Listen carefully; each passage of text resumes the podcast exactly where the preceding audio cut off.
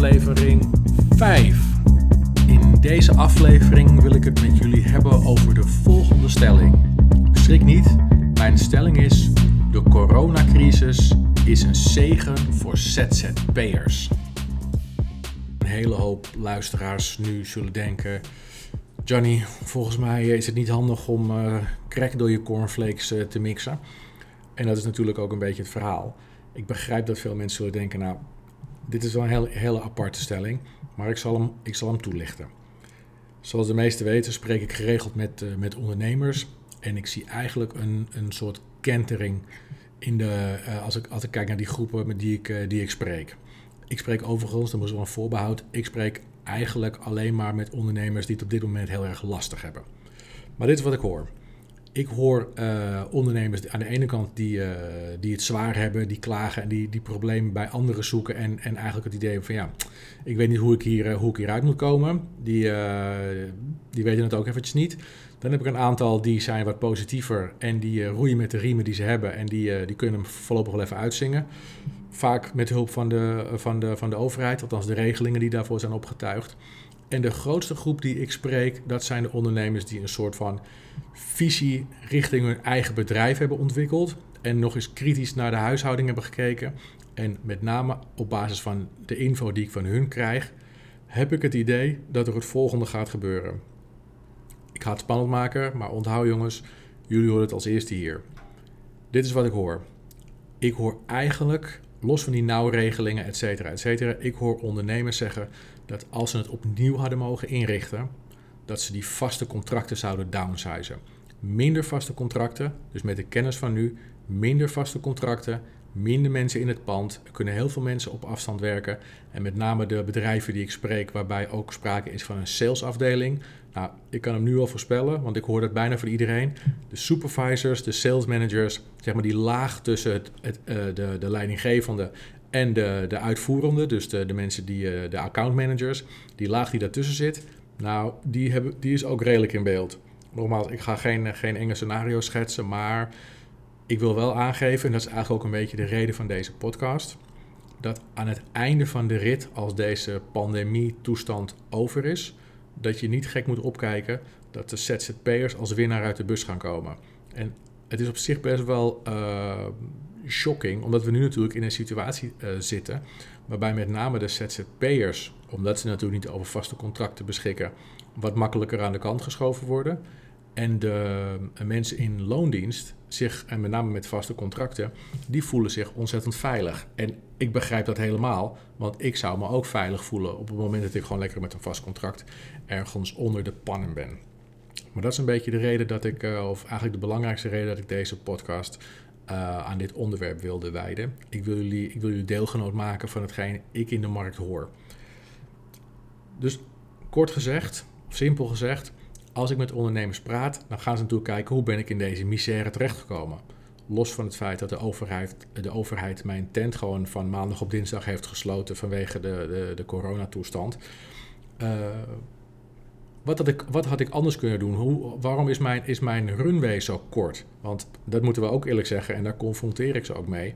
Het is natuurlijk een aparte situatie dat het, het, het woord corona was nog amper uitgesproken. En de eerste bedrijven die melden zich al uh, aan het loket van jongens, uh, we gaan het niet redden. En ik vond, in, eerlijk, in alle eerlijkheid, ik vond, en het geldt ook voor particulieren trouwens, maar ik vond het vrij rap. Er was eigenlijk nog niet zo gek veel aan de hand. En uh, het, we, we, hadden al te maken met een crisissituatie voor veel bedrijven. Dus op basis daarvan dacht ik, nou oké, ik moet af en toe ook een beetje kritische vragen stellen. En dan krijg je ook info en dan krijg je ook, ook mensen die, die in retrospect dingen anders hadden gedaan. Terugkijkend hadden ze dingen anders ingericht. En ze noemen bijna allemaal de vaste contracten.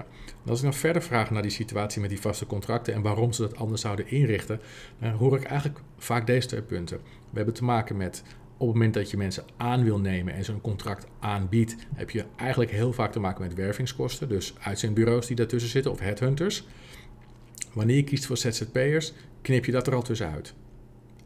Vervolgens, en dat is iets wat, ja, waar, wat, wat ik eigenlijk al vaker hoor, maar, maar ondanks ja, door deze crisis eigenlijk nooit echt onder een vergrootglas heb gelegd. Maar in Nederland wordt er best wel flink geïnvesteerd in opleidingskosten voor het personeel. Helemaal als je het vergelijkt met andere landen, dan doet Nederland dat, eigenlijk hartstikke goed. Er zijn allerlei soorten subsidies waar gebruik uh, van gemaakt kan worden. Werkgevers investeren over het algemeen best wel heftig in, het, uh, in hun uh, werknemers, in het personeel. Maar wat nou op het moment dat jij een training aanbiedt aan, aan jouw werknemers en de helft van die mensen die pikt het of niet op, of die kan het niveau niet aan, of die past de toegepaste les, de, de geleerde lesstof niet toe. Dan heb je eigenlijk uh, best wel hoop kosten gemaakt en het rendement is al ongeveer nul. En daar wordt heel vaak die klik nu richting ZZP'ers gemaakt. Wanneer je kiest voor ZZP'ers, dan koop je eigenlijk al met een soort laserfocus de kennis in waar jij als bedrijf op dat moment behoefte aan hebt. En ik hoorde dat steeds vaker. En ik, hoor het nu nog, eigenlijk als ik mensen spreek, als ik uh, ondernemers spreek, blijft dat maar terugkomen. Ze willen lean zijn, ze willen flexibel zijn.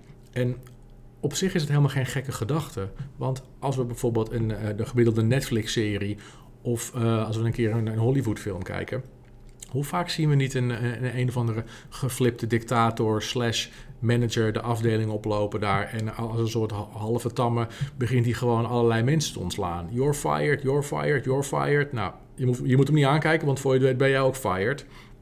En mag je met je, mag je, mag je, met je, met je doosje vol spulletjes mag je het pand uitwandelen. Wat we natuurlijk niet zien, is dat er ook in Amerika gewoon regelingen zijn waarbij je na een ontslag nog recht hebt op een vergoeding. Voor mij een aantal weken tot een aantal maanden. Dus dat, dat, is natuurlijk niet, dat zien we niet in de serie, want dat, is niet niet zo belangrijk voor de scène. Maar als je dat vertaalt naar de Nederlandse situatie en je gaat dus inderdaad als ondernemer die flexibiliteit in je organisatie inbouwen, dan kom je al heel snel terecht bij ZZP'ers. Dus dat is een van de redenen die, waardoor ik dacht van... hé, hey, ik hoor het nu zo vaak. Dat heeft, me, dat heeft me aan het denken gezet. Het tweede wat me aan het denken heeft gezet... is dat de overheid um, die nou, onder andere die nauwregelingen heeft opgetuigd... waarbij je als, uh, als ondernemer kun jij um, uh, aanmelden dat je op basis van economische gronden gaat het, uh, gaat het beroerd. Je hebt geen omzet of je hebt een hele flinke inkomstenderving of omzetderving, hoe je het wil noemen. En uh, je wil een vergoeding voor het salaris van het personeel. Nou, dat gaat tot een bepaald percentage. Er zijn allemaal uh, grafieken en allerlei voorbehoud is daarop gemaakt. Maar een van de dingen die wel belangrijk is, is op het moment dat je voor een aanmerking komt, mag je het personeel niet ontslaan. Je mag jouw personeel niet ontslaan. Dat was de nauwregeling 1.0. Inmiddels gaan we over een bepaalde periode gaan we door naar de nauwregeling 2.0. Waarbij eigenlijk alles hetzelfde is op één klein dingetje, klein tussen haakjes. Je mag nu wel afscheid nemen van je personeel. Dus waar in, eerste instantie bedrijven nog zoiets hadden van... nou, ik wacht even met die nauwregeling, ik zing hem uit. Daar hebben ze nu eigenlijk ja, twee keer de wind mee. Je komt en in aanmerking voor een, uh, uh, een soort reddingsplan... en je mag je personeel, uh, je mag afscheid van je personeel nemen. En dat zal natuurlijk in 99% van de gevallen personeel zijn... met een aflopend contract of een vast contract. Dus wat ik eigenlijk wil zeggen met deze podcast is: waan je niet te veilig als je op dit moment beschikt over een vast contract. Want het kan zomaar zijn dat je over een paar weken, uh, nou waarschijnlijk via Zoom of via WhatsApp te horen krijgt, omdat je tegenwoordig niet meer in elkaars buurt mag komen. Het kan zomaar zijn dat je te horen krijgt van uh, je mag je gaan melden bij het, uh, bij het UWV en good luck. Dit is helemaal geen ondenkbare situatie op dit moment. Wat geestig is, is dat de uitzendbureaus hier ook nog helemaal geen rekening mee houden. Hè? Die, als, ik, als ik spreek met ondernemers die in de werving en selectie zitten, die zien dit scenario nog helemaal niet aankomen. Dat is op zich ook wel een aparte situatie, want je zou verwachten dat zij voelsprieten hebben richting de ondernemers. Maar, dus of ik zit er helemaal naast, of er is iets gaande waar, uh, waarbij de uitzendbureaus uh, zich even gefocust hebben op andere dingen en daardoor nog niet op de hoogte zijn. En de reden dat ik dit op voorhand met jullie wil delen, want ik richt me in eerste instantie tot de mensen met een vast contract die zich dus veilig wanen. En terecht, ik zou me ook veilig wanen. Je wil niet denken in allerlei zwarte scenario's. Dus ik zou me ook veilig wanen. Maar aan de andere kant moeten we ook eerlijk zijn. Op het moment dat dit scenario zich gaat uitrollen, wil jij dan afhankelijk zijn van een of andere Chinees die volgend jaar misschien weer op een vleermuis begint te knagen, we hier een paar maanden later weer in een lockdown zitten en jij je zaakjes niet op orde hebt. Nou, ik zou je willen adviseren, en nogmaals, ik richt me in eerste instantie tot de mensen die op dit moment gewoon veilig in loondienst zitten en die het eigenlijk prima voor elkaar hebben. Zorg dat je voorbereid bent. Het is natuurlijk geen leuk verhaal wat ik hier hou, maar probeer voorbereid te zijn. Je krijgt over een paar weken krijg je je vakantiegeld. En als je in je uppie bent, dan krijg je denk ik tussen de, de 12 en de 1500 euro, denk ik zoiets. Als je met z'n tweetjes bent, als je een partner hebt, dan krijg je misschien wel uh, tussen de 2500 en de 3000 euro. Ga dat nou niet uitgeven aan een of andere stinkresort vakantieachtige trip in Egypte of Tunesië, omdat dat uh, misschien over een paar maanden 300 euro goedkoper is, omdat niemand wil reizen en al helemaal niet uh, met het vliegtuig. Besef je dat je goud in handen hebt. Als jij zometeen 1500 euro uh, op een spaarrekening kan zetten, dat is, dan ben je een van de toppers op dit moment. Er zijn heel veel mensen die dit niet kunnen. Die gaan het spaargeld gebruiken om leningen af te lossen of schulden weg te werken. Dus besef je heel goed, als jij in de luxe situatie bent dat je je vakantiegeld kunt wegleggen, helemaal als je een setje bent met je partner, dan heb je zomaar 3000 euro wat je weg kan leggen. Over een paar maanden komt er ook voor heel veel mensen weer wat belastinggeld terug. Spaar dat ook weg. Zorg dat je dat noodfonds optuigt. En het hoeft niet gelijk die zes maanden salaris te zijn waar ik altijd prat op ga. Want we, we hebben natuurlijk in Nederland gewoon een, een, uh, een, regeling waarbij je na een ontslag in de WW terechtkomt. Maar dus je verliest eigenlijk in eerste instantie 30% van je laatst verdiende salaris. Maar doe me dan een plezier en zorg in ieder geval dat je zes maanden lang of twaalf maanden lang die 30% kunt aanvullen zodat je in principe gewoon kunt blijven leven zoals je nu ook leeft. En dat je die 30% constant van je spaarrekening afhaalt als je hem echt nodig hebt. Je moet minder afhankelijk worden van de regering Rutte en zijn, uh, en zijn, en zijn companen.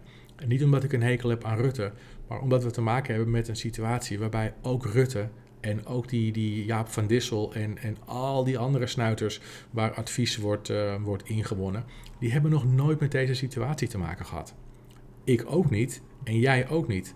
Maar het probleem is dat wij op dit moment helemaal uh, uh, naar, de, naar, de, um, hoe zeg je dat? naar de pijpen moeten dansen van mensen, in dit geval uit Den Haag, die ook helemaal niet weten wat ze aan het doen zijn. En dat geeft niet, want ze hebben er nog nooit mee te maken gehad, net als andere regeringen. Dus we kunnen ze daar niet op veroordelen. Iedereen doet zijn best. Maar we zijn op dit moment wel in een situatie beland waarbij het volk orders aanneemt van mensen die er ook geen verstand van hebben. Besef je dat goed? Wil je afhankelijk zijn in zo'n situatie? Ik niet. Dus ik wil je op dit moment eigenlijk op het hart drukken. Cash is king. Zorg dat je genoeg geld op je spaarrekening hebt staan. Dat gezegd hebbende, doorpakken. Doorpakken naar, naar stap 2. Ga nou eens kritisch kijken naar die uh, uren tussen 7 uur s avonds en 9 uur s avonds. Je bent in loondienst, of misschien zit je zo meteen in de WW, of ga je ook als ZZP'er aan, aan de gang, ik weet het niet. Maar op dit moment heb je nog gewoon je baan. Je begint om een uurtje of negen, je bent om een uurtje of vijf klaar. Nou, moet je nog even naar huis, je maakt je happy, nog even met de kinderen, misschien sport je. Ik weet niet hoe je leven eruit ziet. Maar kijk nou eens kritisch naar dat tijdsbestek tussen 7 en 9. Kun je een paar van die uren, dat hoeft echt niet iedere dag, iedere week, maar kun je iets optuigen waarbij je die uren om gaat zetten in geld?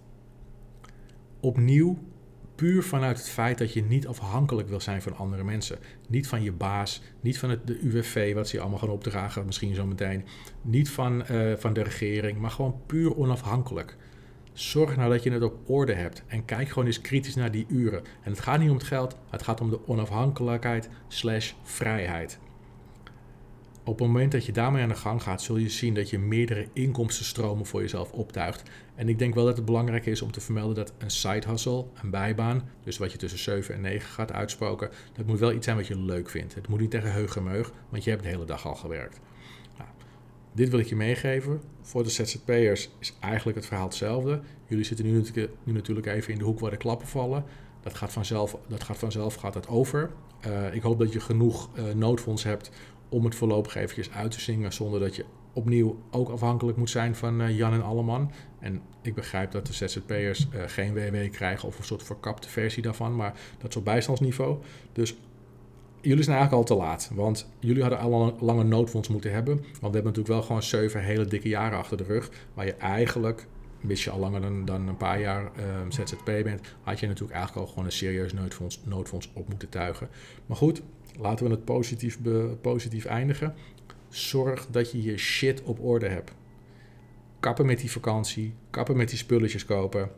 Ga nou eerst die bankrekeningen spekken, want die bankrekeningen gaan je lucht in je hoofd geven. En die lucht ga je nodig hebben op het moment dat je beslissingen moet nemen in een soort panieksituatie als je je baan kwijtraakt of wat ik wat.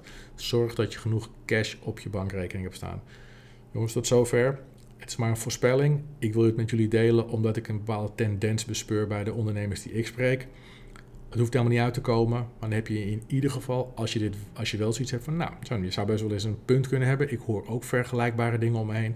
Dan weet je in ieder geval dat het geen kansloze situatie is. Er is nog tijd om in te spelen op de situatie. En het mooie van, van de, dat is dan het hele positieve van deze situatie is, waar je normaal gesproken met je handen in het haar zou zitten, komt er zo meteen gewoon minimaal 12 tot 1500 euro jouw kant op waaien. Zorg dat je iets belangrijks ermee doet, want het is echt een cadeau dit keer. Ik wil er bij deze wil ik het afronden. Ik ga het niet heel lang maken. Als jullie me willen volgen met betrekking tot investeren, aandelen, side hustles, noodfonds, etc., kun je mij natuurlijk gewoon volgen op LinkedIn.